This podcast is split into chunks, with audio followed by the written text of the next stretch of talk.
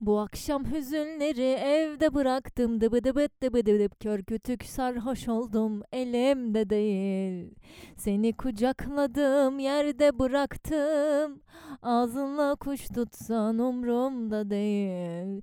Günden bu kadar manyakken gerçekten bu sorunlardan sıyrılıp böyle zihin berraklığıyla bir şeyler yapmak gerçekten çok zor ol- oluyor. Konuşamıyorum bile. Yani neden konuşamıyorum? Çünkü aklıma bebekteki olaylar falan geliyor böyle. Çalılıkların arkasındaki iki tane amca geliyor. Ya düşünemiyorum. düşünemiyorum. Of ya zaten her şey zam geldi kafamızda güzel yapamıyoruz içemiyoruz rahatlayamıyoruz şöyle bir rakı sofrası falan. Öf yani öf. Neyse canlarım cicişlerim minnoş bebeklerim. Herkese benden kucak dolusu selamlar. Günden böyle biliyorum ama ben hepinize teker teker nasıl sarılacağım şöyle sarılacağım. Şimdi şöyle yapacağız. Kollarınızı açın. Bakayım açın. Açın Nerede olduğunuz umurumda değil. Yatakta mısınız, otobüste misiniz, işte misiniz hiç fark etmez. Bana ne? Açın lan o kolları. Hı, tamam. Şimdi de kendinize sarılın. Hı. Sanki ben size sarılıyormuşum gibi tamam mı? Hepinize tek tek sarılamam çünkü yani fiziksel olarak böyle idare edeceğiz. Şş, bir dakika açma kolları. Sarılmam bitmedi. Uuu canım benim. Sırta da bir tane pat pat. Oh tamam ayrılabiliriz artık. Siz de birine sarıldığınızda ne zaman sarılmayı bitireceğiniz konusunda endişe ediyor musunuz? Uzun zamandır görüşmediğim ve sevdiğim birisiyle buluştuğumda kocaman sarılmayı seviyorum ben böyle uzun uzun. Ama işte o uzunluk ne kadar devam etmeli ondan emin olamıyorum. Böyle anlarda sarılırken kafamı da karşımdaki kişinin boynuna, gövdesine artık neresine yetişiyorsam orasına böyle bir yaslıyorum. Benim için sarılma artık tamamsa kafamı kaldırıyorum ki karşı tarafı işte işaret verelim böyle yeter artık bu kadar sarılmak diye. Karşımdaki hala sarılmak istiyorsa bir süre daha devam ediyorum tabii bozmadan onu. Ama genelde bu kafayı kaldırma hareketi hadi artık bitsin bu sarılma anlamına geldiği için karşı tarafta işaretimi alıyor ve kollarını gevşetiyor. Ancak hala sarılma ihtiyacı varsa ki e, bu onun beni daha çok özlediği veya sevdiği anlamına gelmiyor. Bana sarılmayı daha çok sevdiği anlamına geliyor sadece o kadar. O zaman biraz daha bekledikten sonra böyle sırtını bir pat pat yapıyorum böyle hadi tamam hadi iyi sarıldın yeter aferin yeter manasında sonra ayrılıyoruz. Bir ortama girdiğimde çok fazla öpüşüp koklaşmayı sevmem ben. Herkese teker teker sarılan insanlar vardır mesela asla o insanlardan birisi değilim. Herkese teker teker tokalaşmak ve selamlaşmak da bana zaman kaybı geliyor. Kalabalık bir ortamda tanıdığım kişiler varsa ortama böyle hello ne yapıyorsunuz götoşlar diye giriş yapmak bence en güzeli. Tanımadığım insanlar da varsa ve kalabalıklarsa ortama girdiğimde selam ben e, Kafelax. Şimdi hepinizin ismini öğrenmek için soracağım ama aklımda tutamazsam kusura bakmayın. Çok fazlasınız çünkü diyorum. Herkesin ismini öğreniyorum. Bir kere de ben üstünden geçiyorum ama senin ismin şu sana falan diye. Tamam bitti. Belki adabı bu olmamalı bilemiyorum ama ortamda tanışacağım 5 yeni insan varsa mesela her biriyle teker teker el sıkışıp selam ben Kafelax. Karşımdaki de selam ben birinci kişi ehe ehe memnun oldum ben de memnun oldum. Selam ben Kafelax. Selam ben ikinci kişi memnun oldum mehi mehi. Yani öf yani çok bayıcı değil mi? Gerçi birebir böyle bir tanışmada enerjinizi karşı tarafa daha kolay geçirebiliyorsunuz tokalaşmada vesaire. Ama ben ilk izlenimimi samimi bir insan olarak verme taraftarıyım sadece uzaktan. Sonra muhabbet ilerledikçe kaynaşırız bir şekilde. Sonra yok elimi çok sert sıktı, yok elimi bile tutmadı falan gibi manalar çıkaracak çok insan var. Tabii bu dediğim sosyal bir ortamda iş görüşmesinde daha farklı davranıyorum. Ama yine de el sıkma faslına girmediğim zamanlar oluyor. Şimdi herkes elimize dokunmayı hak etmiyor bence çünkü yani. Baştan niye saygımızı vermek istemediğimiz birinin elini sıkalım ki? Bugün elini veren Alamos Gold'un işbirlikçisinin elini sıkmak istemezdim ben mesela. Kaz Dağları'nda maden çalışması yapmak isteyen bir işletmeydi bu. Halkın direnişiyle ve kamuoyu baskısıyla Çanakkale'deki ofislerini kapatmışlar. Bu beni sevindiren bir haber oldu. Katledilen 350 ağacın yerine de doğa kendini çoktan yenilemeye başlamış. Biraz fazla mücadele etmek zorunda kalıyoruz sanki her şeyle ama direnişten vazgeçmediğimizde güzel sonuçlara ulaşıyoruz. Bu direnişler insanı çok yoruyor ama sürekli teyakkuzda kalmak, araştırmak, çabalamak, evet işte bunlar insanı çok tüketen, yıpratan ee, ve neden devam etmek zorunda olduğunu kendine hatırlatması gereken zor durumlar. Gezi'nin bile üzerinden 9 sene geçti. 9 ve bu 9 senede ne kadar fazla şey kötüye gitti farkındasınızdır umarım sizler de.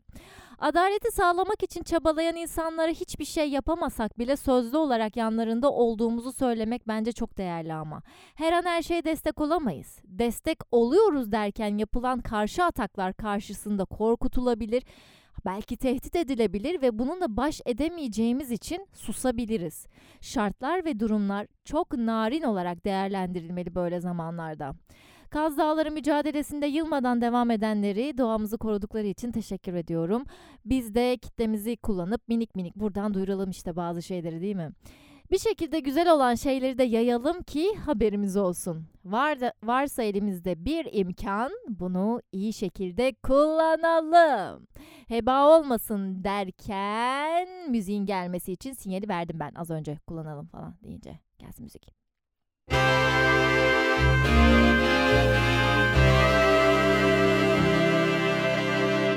Kullanılmışlık hissi, kullanıldım düşüncesi. Daha önceden yoğun olarak kullanılmak üzerine konuştuğumuz bir bölümümüz olmuştu. Şimdi kullanılmış hissetme üzerine daha yoğun olarak konuşacağız. Bu daha önceki ilgili bölümümüzde kullanılmış hissetme üzerine de yorumlarımız olmuştu ancak demek ki netleşmemiş bazı şeyler var ki tekrardan istediniz. O zaman pekiştirelim bunları. Ve özellikle iki ana başlık etrafında kullanılmışlık hissini inceleyelim. Seks için kullanmak, para için kullanmak. Aşklar, canlar, tospiklerim beni kullanıyorsunuz mesela siz biliyorsunuzdur umarım bunu. Enerjimi kullanıyorsunuz lan, sesimi kullanıyorsunuz. Ama bana zihninizi açtığınızla ilgili mesajlar, işte podcastlerimi dinledikçe size iyi geldiğimi söylediğiniz mesajlar olunca ben de oh diyorum be yaşasın boşuna konuşmuyoruz olay. Yoksa olacak iş değil yani karın tokluğuna bile yapmıyorum ben bunu. Bazen diyorum aptal mısın kızım sen onca konuşuyorsun. Sonra diyorum ki sisteme bırakırsak daha da boka batacağız. Hem güzel insanlar tanıyorsun, insanların hayatlarına dokunuyorsun, özgüvenli kişiler olmasına yardımcı oluyorsun. Kalıcı bir şey yapıyoruz yani şurada. Tabii ileride magazin haberlerinde ismimi görürseniz şaşırmayın. Bir zamanların sevilen podcasterı borç batağında. Yok kız o kadar batmayız. En kötü artık ayak fotoğrafı falan bir şekilde halledeceğiz. Mesaimi harcadığım sektörden iyice soğudum ben çünkü. Orası için verebileceğim maksimum zamanı ve çabayı verdiğimi düşünüyorum. Elektrik mühendisiyim. Bilmeyenler, önceden kaçıranlar söyleyeyim. İşte yok yani uğraşmak istemiyorum o sektörde baca gazı analizleriyle falan. Yapabiliyor olmam yapmam gerektiği anlamına gelmiyor. Çoğu zaman e ama bunu iyi yapıyorsun denilen şeylere yöneliyoruz. Mantıklı olan buymuş gibi geliyor. Tamam yapabiliyoruz da severek mi yapıyoruz, lanet ederek mi orası önemli. İyi yaptığınız bir şey çok basit bir şey bile olsa sadece ona odaklanarak hayatınızı geçirebilirsiniz. Belki maddi anlamda muhteşem zengin olmazsınız ama mutlu olursunuz. Gönlünüz zengin oluyor. Şimdi böyle deyince şeriatın gelmesiyle müzik aleti gözünün önünde parçalanan adamın videosu aklıma geldi. Çok üzmüştü o video beni. Bir insanı tutkusundan böyle ayırmak, böyle çaresiz bırakmak, müziğini susturmak. Gerçekten çok insanın boğazında böyle yutkunmasına engel olan bir his oluşturuyor. Bu insana gidip "Aa şekerim tutkunun peşinden git ya." diyemezsin yani. Ay benim bu sürekli kendine muhalif aklım. Böyle düşünceler musallat olduğunda kendime diyorum ki ne yapabilirim yani ben bu durumla ilgili. Gidip kurtaramam o insanı ya da koskoca ülkeyi.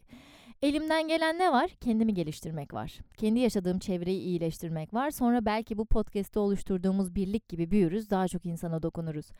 Enstrümanı o pis zihniyetler tarafından yakılan adamı kurtaramayız belki ama geleceği kurtarabiliriz. Fikirleri kurtarabiliriz. Özgürlüğü kurtarabiliriz. Ay Ayasofya'yı bile kurtarabiliriz. Millet çerez gibi yiyor ya orayı saçmalığa bak. Tarih kitabına nasıl yazacaksınız bunu? Düşünsene bundan 5 sene sonra, ay umarım 5 sene sonra o noktaya gelebiliriz tabii. Yakın geçmiş dersinde anlatılıyor.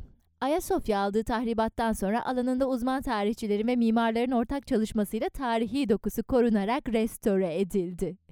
Hocam nasıl bir tahribat? Yediler çocuğum. Saçmalık. Ayasofya böyle bir şey yüzünden kullanılmaz hale gelirse tam bir rezillik olmaz mı ya? Gerçekten dünyaya hatta kainata rezil oluruz. Rezilliğin daniskası. Al sana zombi istilası. Müze olarak kalsaydı böyle bir şey yaşanmazdı tabii ki de. Cami olarak ibadete açılması bu durumun suistimal edilmesine sebep oldu. Ama bence kimse bu kadarını beklemiyordu. Kimse.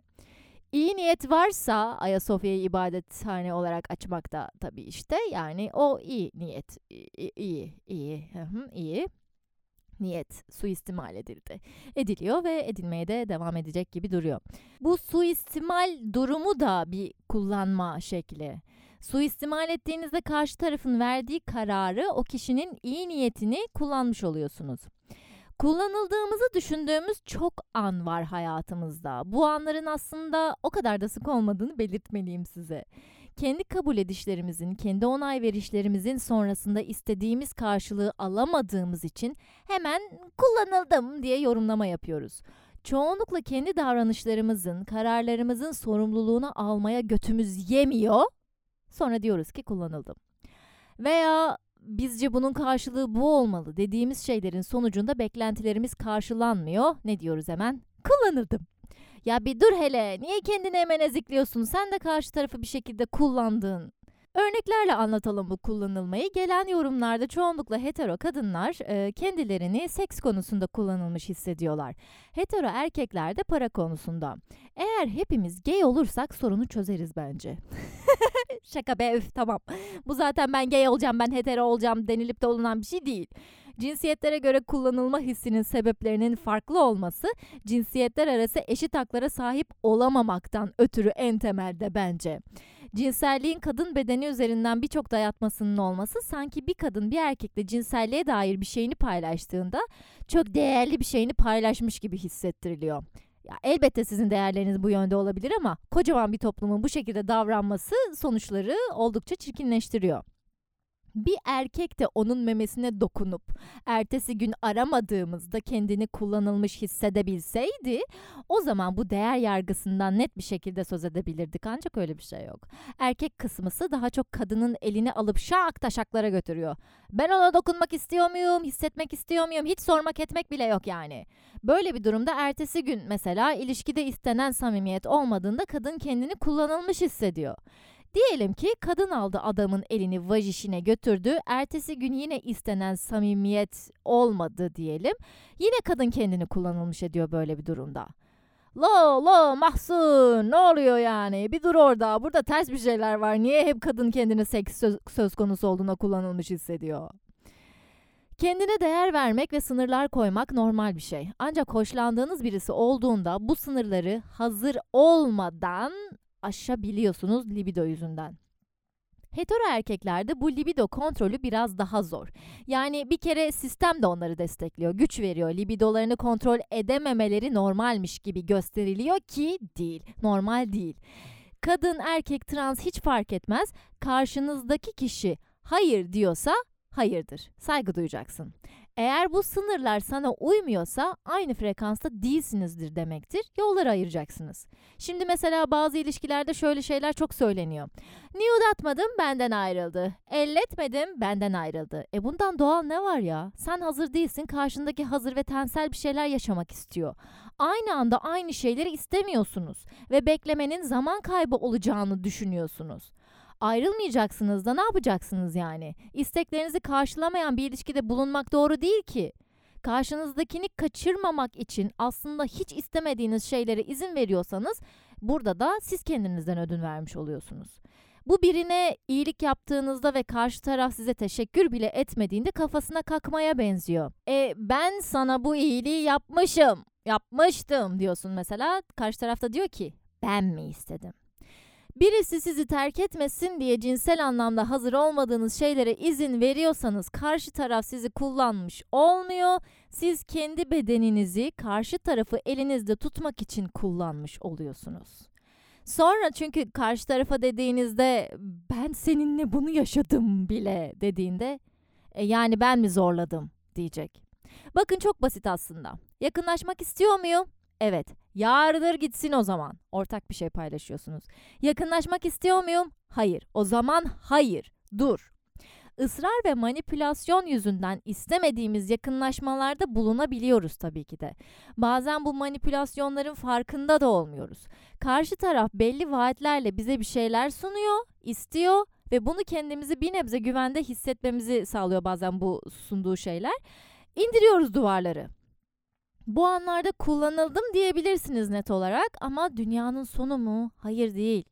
Önemli olan neyi siz istediniz gerçekten ve neye siz gerçekten izin verdiniz. Neyi siz istemediniz de zorlandınız ve kullanıldınız gerçekten. Bunu fark ettikten sonra sonraki ilişkilerinizde nasıl davranmanız gerektiğini daha net çözeceksiniz. Yoksa ben çok iyi insanım ama ben kimseyi kullanmadım. Herkes benim iyi niyetimi suistimal ediyor kullanıyor diye ortalıkta dolaşıp durursunuz. Elinize de hiçbir şey gelmez. Herkes de sizi sizin görüşünüze göre kullanmaya devam eder. Başınıza gelen olaylarda niye ise bakın mesela böyle olaylarda hep aynı şeyler denk geliyor. Aynı hikayeler, aynı senaryolar. Kullanılmak sizin için bir sorunsa ve her ilişkinizde bununla karşılaşıyorsanız Değiştirmeniz gereken belli şeyler var demek ki kendinizle alakalı. Bir şeyleri anlamanız gerekiyor artık ki hayat size benzer şeyleri sunup duruyor. Bak bir tane daha şans veriyorum karşına çıkartıyorum. Hadi bunu yap artık be koçum be diyor.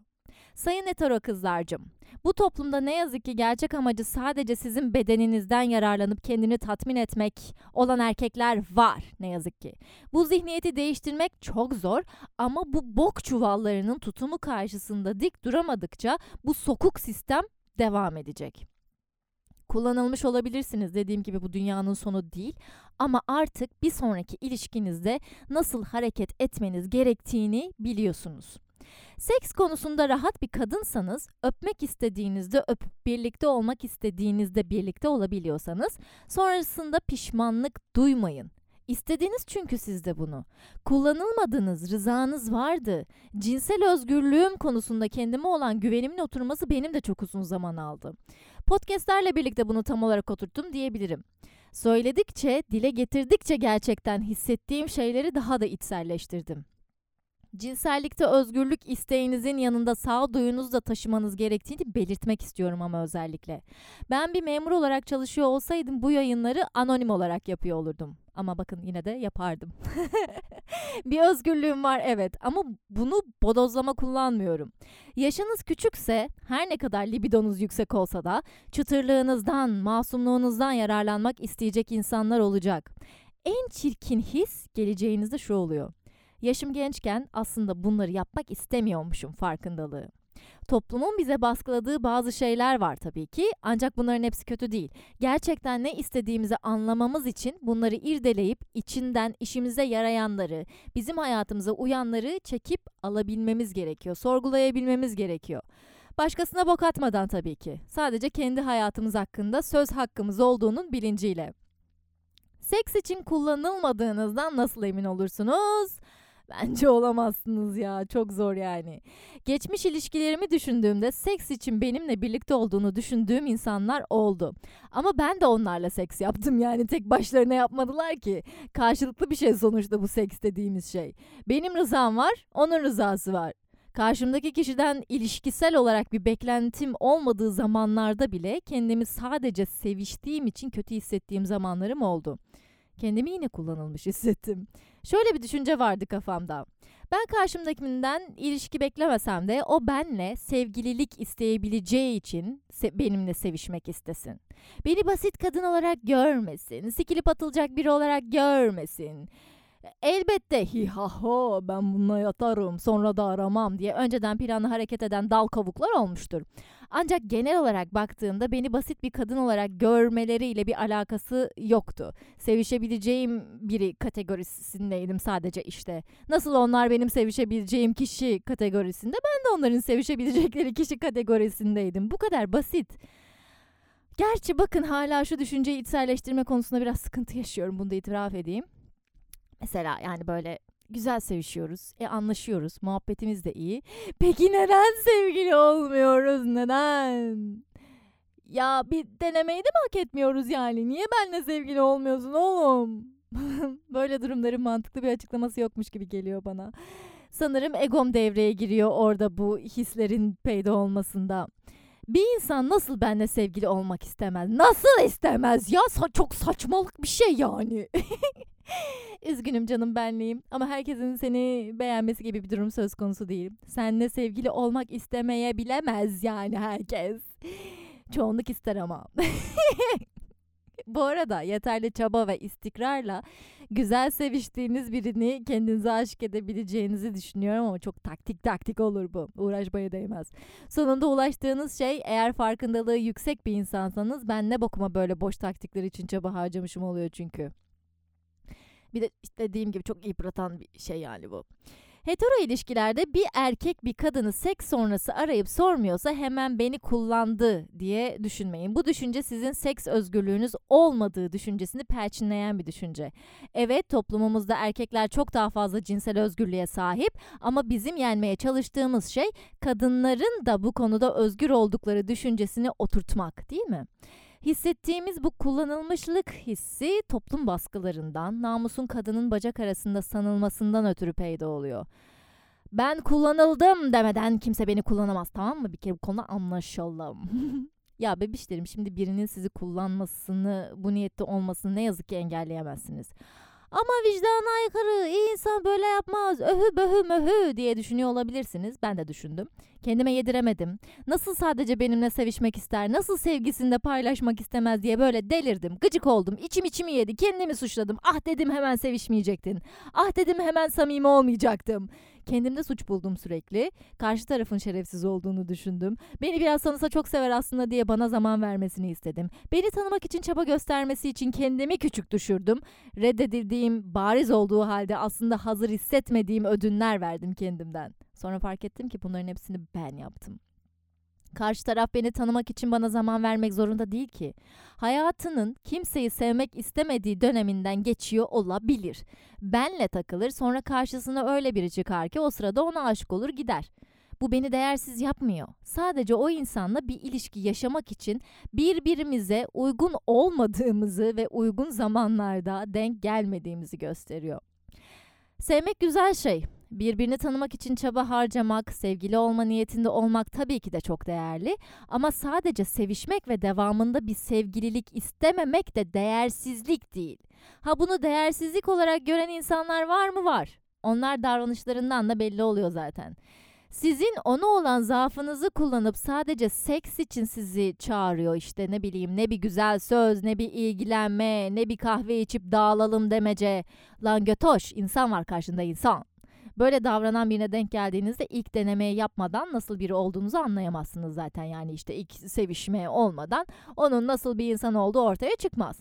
Hadi belki ikinci şansı da verirsiniz ama ikincide de yine böyle öküz gibi davranırsa üçüncüde görüşmemeyi tercih etmeniz gerektiğini düşünüyorum hetero beyler.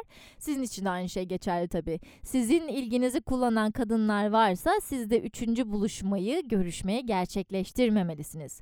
Homoseksüel bebişlerim sanmayın sizin için durumlar farklı. Ya yalnız homoseksüel insanlar zaten toplumda dışlanan ve haklarını elde etmeye çalışan incinmiş bir kesim olduğu için midir bilemeyeceğim. İlişkilerinde daha düşünceli oluyorlar işgal altındaki bir toplumda nasıl plastik pipet kullanmayın muhabbeti yapamıyorsanız homoseksüel insanların da ilişki problemlerini konuşmak şu noktada biraz abes kaçıyor. İlgilenmeleri gereken daha elzem şeyler var çünkü. Daha homoseksüelliğin normal olduğunu sindirememiş bir toplumumuz var çünkü.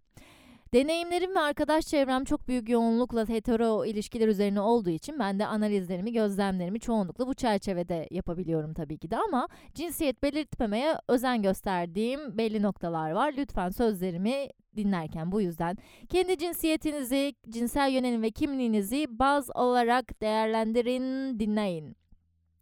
Hetero erkeklerin en çok yakındıysa yorumlarda para mı kullandığı, gösterişli arabamı kullandığı oldu. Seks anlamında kullanılma endişeleri pek yok çünkü onlara serbest yani böyle şeyler de Allah. Aman sizin yamuk sikinize mi kaldık be? Zaten yani paranızı kullanmayacağız da neyinizi kullanacağız? şaka be şaka. Aramızda penis sevenler var. Parasını, gücünü, statüsünü kullanma noktasında neden kadınlar erkeklerin bu durumunu daha çok kullanıyor bir düşündünüz mü Allah'ın? Bireysellikten çıkın genel olarak bir bakalım. İş hayatında kadının yer edinmesi hala çok zor. Fabrikaya gittiğimde bakım alanında çalışan tek kadın ben oluyorum hala. Fabrikanın içinde yürürken mal mal bakışlara maruz kalıyorum. Mesela sekreterlik mesleği kadınlara uygun görülen bir meslek hala ama erkekler de yapabilir aslında. Her mesleği her cinsiyetten insan yapabilir. Fiziksel uygunluğunuz sebebiyle daha rahat yapabileceğiniz işler vardır elbette ama bu cinsiyetlere atanan meslek zırvaları beni genel olarak delirtiyor. Mesela erkeklerin yoğunlukta olduğu bir ortama kadın girince muhabbet seviyesinin yükseleceği düşüncesi mevcut. Lan kibar ve nazik olmak için niye bir kadının ortama girmesini bekliyorsunuz? Saygılı bir iletişimi erkek cinsinin hak ettiğini düşünmüyor musunuz? Nasıl insanlarsınız siz? Neyse işte gelir dengesi bu kadar kaypakken kadının cinselliği onun lütfuymuş gibi bir sistem varken ben seninle sevişiyorsam parasını da yerim düşüncesi oluşuyor kadında.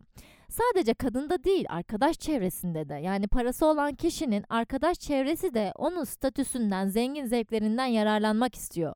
Ya biz sokakta son model araba gördüğümüzde yanına gidip fotoğraf çekilen bir milletiz. Sonradan görmeyiz ya biz valla. Çok aşırı zengin olsam acaba ben de böyle Gucci markasını gösterdiğim fotoğraflar koyar mıyım diye merak ediyorum. Benim bu merakımı gidermek için beni çok zengin yapar mıyız lütfen?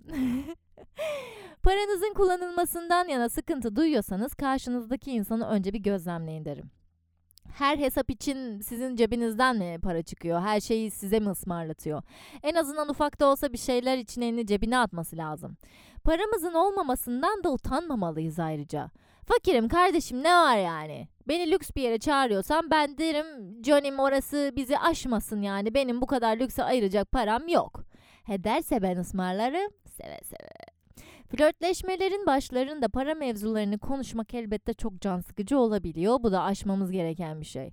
Ancak biri birini kahveye davet ettiyse mesela davet eden kişinin en azından o kahveyi ısmarlaması gerektiğini düşünüyorum. Yemeğe davet ettiyse şimdi orası biraz muamma. Çünkü yemek fiyatları falan aldı başını gitti. Gerçi kahve fiyatları da aldı başını gitti de neyse. En iyisi mi siz çay içmeye davet edin evet. Bu arada davet eden kişi ilk hesabı çekmek zorunda demiyorum. Aman yanlış anlaşılmasın. Siz mercimek çorbası içerken karşınızdaki portakallı ördek falan ister sırf siz ısmarlıyorsunuz diye olmaz öyle saçmalık. Canımız cicimiz ekonomimiz bu haldeyken para mevzularını konuşabiliyor olmamız gerektiğini düşünüyorum. Bir şekilde parasını kazanmış birileri bizi de kurtarsın diye bekliyoruz ama olmuyor işte öyle olmuyor. Fakirlik benim için libido düşüren bir şey değil ama para kazanmak için çaba göstermeyen, parasının takibini yapamayan insanla uğraşmak istemem mesela. Sorumsuzluk ve tembellik göstergesi çünkü bu.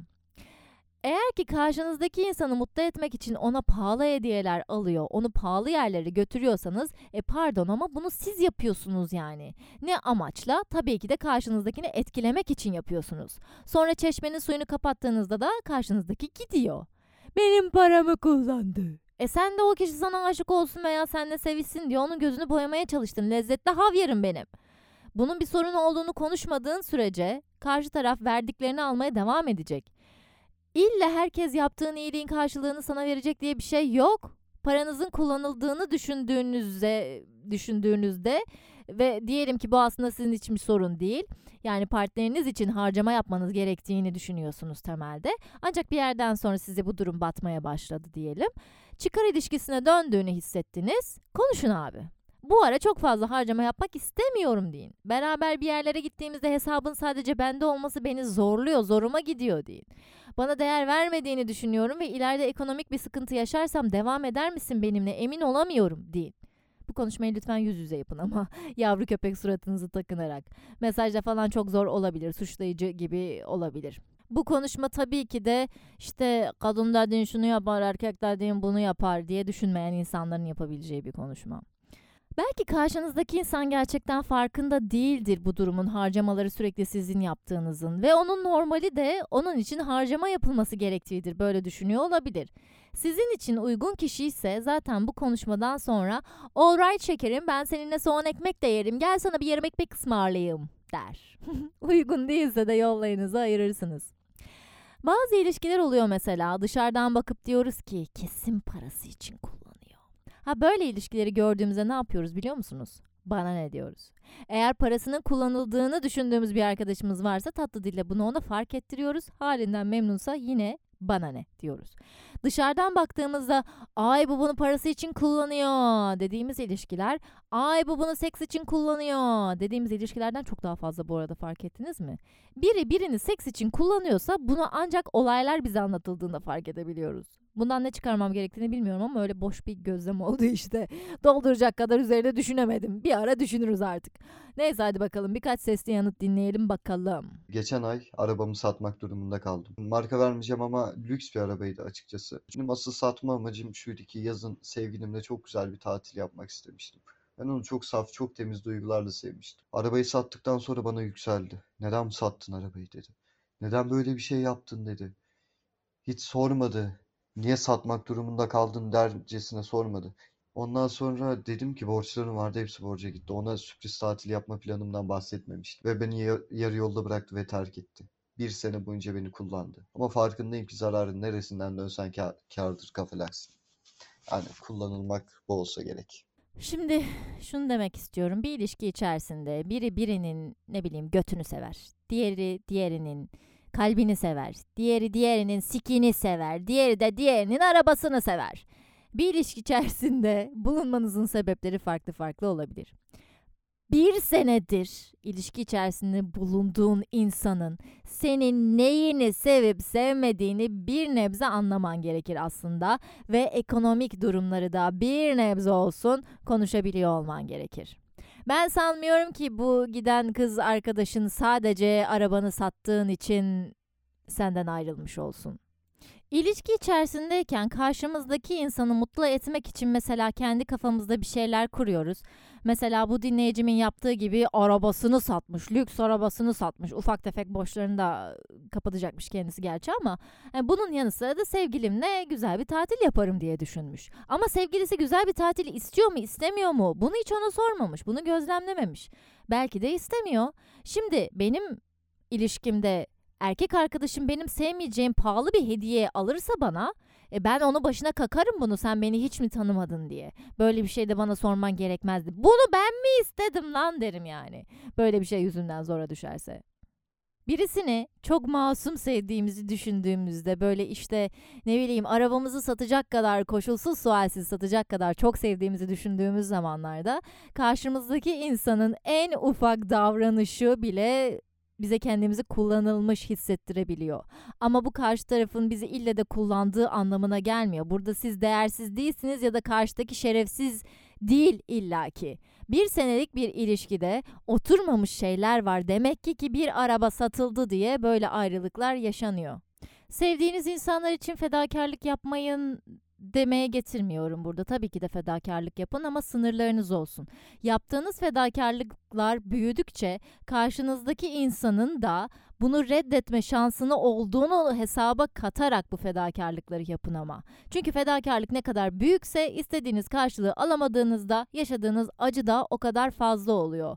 Ya ne yazık ki gerçekten herkes sizin yaptığınız fedakarlığın ne kadar büyük olduğunu anlamak zorunda değil. Aynı değerlere sahip olmayabilirsiniz çünkü. Ve siz kafanızda ne bileyim çok sevinecek edecek diye düşünürken Onun için çok beklenen, istenen bir hediye değildir belki bu. O yüzden de minimal bir tepki verir. E ne olacak? Siz yine kendinizi burada alınmış hissedeceksiniz, kullanılmış hissedeceksiniz. Ay bu ben bunun için ne çabalar sarf ettim diyeceksiniz. Ve başka zaman bir sevgilinizle tatil yapmak için arabanızı satmayacaksınız yani. Aa böyle şey de olur mu canım sırf tatil yapalım diye araba mı satılır bu devirde elinizdeki arabayı da tutmanız gerekiyor farkında mısınız yani böyle şeyler yapıyorsunuz. Yapma kuzum yapma bebişim yani aa yani sadece arabana binmek için eski kız arkadaşının seninle birlikte olduğunu düşünmüyorum. Seninle birlikte olmasının muhtemelen başka sebepleri de var yani. yani çok saçma çünkü düşünüyorum da. Aa lüks arabası var diye sadece birisiyle bir sene boyunca beraberliği devam ettirmek. Başka sebepleri de vardır. Bunun ayrılığınızın da büyük ihtimalle daha farklı sebepleri var. Bunlara odaklanıp bunları çözersen eğer bir sonraki ilişkinde çok daha emin adımlarla ilerleyebileceğini düşünüyorum. Seks sonrası ben daha çok böyle sarılmak, birlikte uyumak falan. Bu tarz şeyleri seviyorum ama partnerim seks sonrasında direkt olarak telefona bakmaya, arkası dönüp kendi haline takılmaya devam ediyor. Seksi sadece yaptım bitti olarak gördüğüm bir şey değil. Ama öyle gördüğünü hissediyorum. Direkt arkanı dönüp telefona bakıyorsun ya da kalkıyorsun başka şeylerle uğraşıyorsun diye isyanda da bulundum ama bazen hala ara ara yapıyor. Bu tarz şeyler yaşadığımda kullanıldığımı hissediyorum. Partnerlerimizle bir sevişme adabı oluşturmamız zaman alabiliyor. Birbirinizi tanımanız bir süreç. Her ilişki için bu geçerli. Bazı kişiler çok şanslı oluyorlar tabii. İlk daha sevişmelerde birbirlerine tanrı, tanrıça gibi davranmaya başlayabiliyorlar. Bir ilişkide bu kullanılmışlık hissini çözümleyebilmek için kadınlar evet biraz daha duygusal yaklaşabiliyorlar ve özellikle sevgili ilk ilişkisi içerisinde dahi seviştikten sonra hele de daha yeni bir seks hayatı aktifliği başlamışsa bu sarılmalar olsun birbiriyle ilgilenmeler olsun bu tarz isteklerin yoğunluğu artabiliyor. Erkeklerin bedeninde de fiziksel olarak şöyle bir şey var e, seks sonrasında erkeklerde gerçekten bir enerji boşalması oluyor. Uyku ihtiyacı yaşayabiliyorlar. Hadi uyumak tamam bunu kabul ederiz de eline telefonu alıp arkasını dönmek hiçbir şey olmamış gibi davranmak bana da biraz gavatlık gibi geldi ya. Bu durumu nasıl çözebiliriz? Bu durumu tabii ki de konuşarak çözebiliriz. Konuştuğunu söylemişsin. Ama bunun sonrasında belki ufak tefek fantezi oyunları, birbirinizi o seksin içerisinde tutacak, penetrasyon hemen gerçekleşmeden o tutkuyu hissedebileceğiniz oyunlar yapabilirsiniz. Bu şekilde partnerini oyunun içerisine dahil edebilirsin. Ya da sana sarılmadığı, sana ilgi göstermediği her seks sonrası zaman için onu cezalandırabilirsin bebişim. yani nasıl olacak artık bunu senin hayal gücüne bırakıyorum. Ama sonuçta insanların algısını değiştirebiliriz. Bu durumu bir oyuna çevirebilirsin kendi açından ve ilişkinizi, seks hayatınızı daha renklendirecek bir açıdan ve bu kullanılmışlık hissinden kendini oyunlarla kurtarabilirsin. Ama yine de nasıl hissettiğin konusunda partnerinle konuşmanı tavsiye ederim. Sen böyle yaptığında ben böyle hissediyorum gibi. İletişim şart. 22 yaşındayım. İlk kez 21 yaşında bir erkek arkadaşım olmuştu. Yaklaşık bir ay önce konuştuğumuzda hani ayrılalı 8-9 ay oluyor. Bana aslında beni hiç sevmediğini söyledi. Dedim o zaman neden öyle davrandın? Neden seni seviyorum dedim. Dedi kullanmak için. Yani cidden insan kendini aptal hissediyor. Olmadığını biliyorum. Bunda benim bir suçum olmadığını da biliyorum. Tamamen karşı tarafın karaktersizliği oluyor. Ama yine de insanı baya kötü hissettiriyor kendini. Gerçi ders almadım mı aldım artık hani belki bir tık şerefsizce olacak ama ben de insanlara kullanma gözüyle bakar hale geldim. Ama şey değil ee, hani ben ona seni seviyorum deyip seni onu kandırıp çeşitli emellerime alet edeyim değil. Karşılıklı. Ki bu bence zaten kullanmak olmuyor iki tarafta bu şekilde bir birliktelik içindeyse. Ama genel olarak hani kullanılmak çoğumuzun başına gelmiştir. Yani ben kullanılmayan, kandırılmayan tek bir arkadaşım yok mesela etrafımda. Ama işte biz de ders çıkarıp yolumuza devam etmeye çalışıyoruz. Ne yapalım? Evet, ders çıkarıp yolumuza devam edeceğiz. İnsan ilişkileri o kadar çetrefilli olabiliyor ki. Mesela birisi size kullandım seni dedi ve onun davranışlarına baktığınızda, onun davranışlarını gözlemlediğinizde daha sonraki ilişkilerinizde ayık oluyorsunuz. Aa bak bu da seni seviyorum diyor ama işte önceki de böyle yapmıştı gibi güven sorunları yaşıyorsunuz. Ona göre farklı bir tavır sergiliyorsunuz. Daha sonra o sergilediğiniz tavır yüzünden de başınıza bir boklar geliyor. E diyorsun bu da olmadı ben ne yapacağım o zaman? Bu şekilde hayatın garip yönlerini keşfediyoruz, öğreniyoruz. Hiçbir zaman gerçekten doğru olan bir şey yok. Başımıza gelenler bizim kişiliğimizi, olaylar karşısında nasıl tepkiler göstereceğimizi şekillendiriyor. Önemli olan bunlardan en hızlı şekilde ve kendimize emin ayaklarımızı yere basabilen bir şekilde ayağa kalkıp devam etmek. Kötü insanlar var. Onları yok edemiyoruz ne yazık ki. Bizim de içimizde kötülükler var. Biz de insanları kullanabiliyoruz. Bize olan ilgilerini kullanabiliyoruz. Statülerini kullanabiliyoruz. Bedenlerini kullanabiliyoruz. Bunları gerçekten ben bu insanı kullanmak istiyorum amacıyla yapmadığımız zamanlar da oluyor. Ama olabiliyor böyle şeyler. ne yapıyoruz? Bu dinleyicimin de yaptığı gibi başımıza gelen olaylardan dersimizi çıkarıp bundan sonra ilişkilerimizde ona göre devam ediyoruz. Hayat devam ediyor bir şekilde ne yapalım be ya? Bence bir insana bir insandan en çok soğutan şeylerden bir tanesi olabilir bunu fark etmek, kullanıldığını fark etmek. Bu sadece cinsel olarak da değil. Hatta kafası rahat bir insansa belki cinsel olarak sadece kullanılıyor olmayı e, önemsemeyebilir bile. Şimdi cinsel anlamda kullanılıyor olmanın rahat olmakla da pek bir alakası yok. Bunu da tekrardan bir dile getirmek isterim. Cinsel bir şeyler yaşıyorsanız en başta da konuştuğumuz gibi bu sizin rızanız dahilinde olur. Eğer sizin rızanız yoksa bu zaten istismara girer. İstismar ediliyorsunuz demektir ve karşınızdaki suç işliyor demektir. Bunların lütfen altını çizelim. Sevişiyorsanız karşılıklı sevi- sevişiyorsunuz. İkiniz de istiyorsunuz. Kimse kimseyi kullanmıyor lütfen. Tabii şöyle bir durum yoksa karşınızdaki kişi işte eğer benimle cinsel bir yakınlaşma yaşarsan seninle sevgili olacağım, seninle evleneceğim, şöyle de böyle falan diye kandırmıyorsa. Ama bunun bir de maddi yönü var. Yani parası için yanında olanı var ya da statüsü için yanında olanı var ya da duyguların kullanılması var. Sadece sevgi açlığı, ilgi açlığı hissettiği için onun saf duygularını kullanmak, kandırmak da var. Ya bu çok kötü bir şey. Bunu insanlar yapmasın lütfen. Ne yazık ki bu kontrol edebileceğimiz bir şey değil canım dinleyicim. Ne yazık ki. Hepimiz çok zor dönemlerden geçip karşımızdaki insanları kullanabilme potansiyeline sahip olabilecek insanlarız. Farkında olarak veya farkında olmadan. Böyle zamanlarda karşımızdaki insanı kontrol edemeyeceğimizi bildiğimiz için yapmamız gereken şey ne? Kendi adımlarımızı ve kendi fedakarlıklarımızı kontrol edebilmek. Bir şeyi gerçekten biz istiyorsak yapmak. İyilik yap denize at demişler ya. Aynı o hesap işte. Sen bir iyilik yapıyorsun ama bunu beklenti karşılığında yapmayacaksın. Beklenti karşılığında yapıyorsan aslında sen de karşı tarafı bir şekilde kullanmak için kendini kullanıyorsun. Kendinden bir şeyler veriyorsun. Sen de karşılık bekliyorsun ve bu da çok masum bir şey değil aslında. Ay tamam yeter artık kullanılmışlık üzerine bu kadar konuştuğumuz yeter.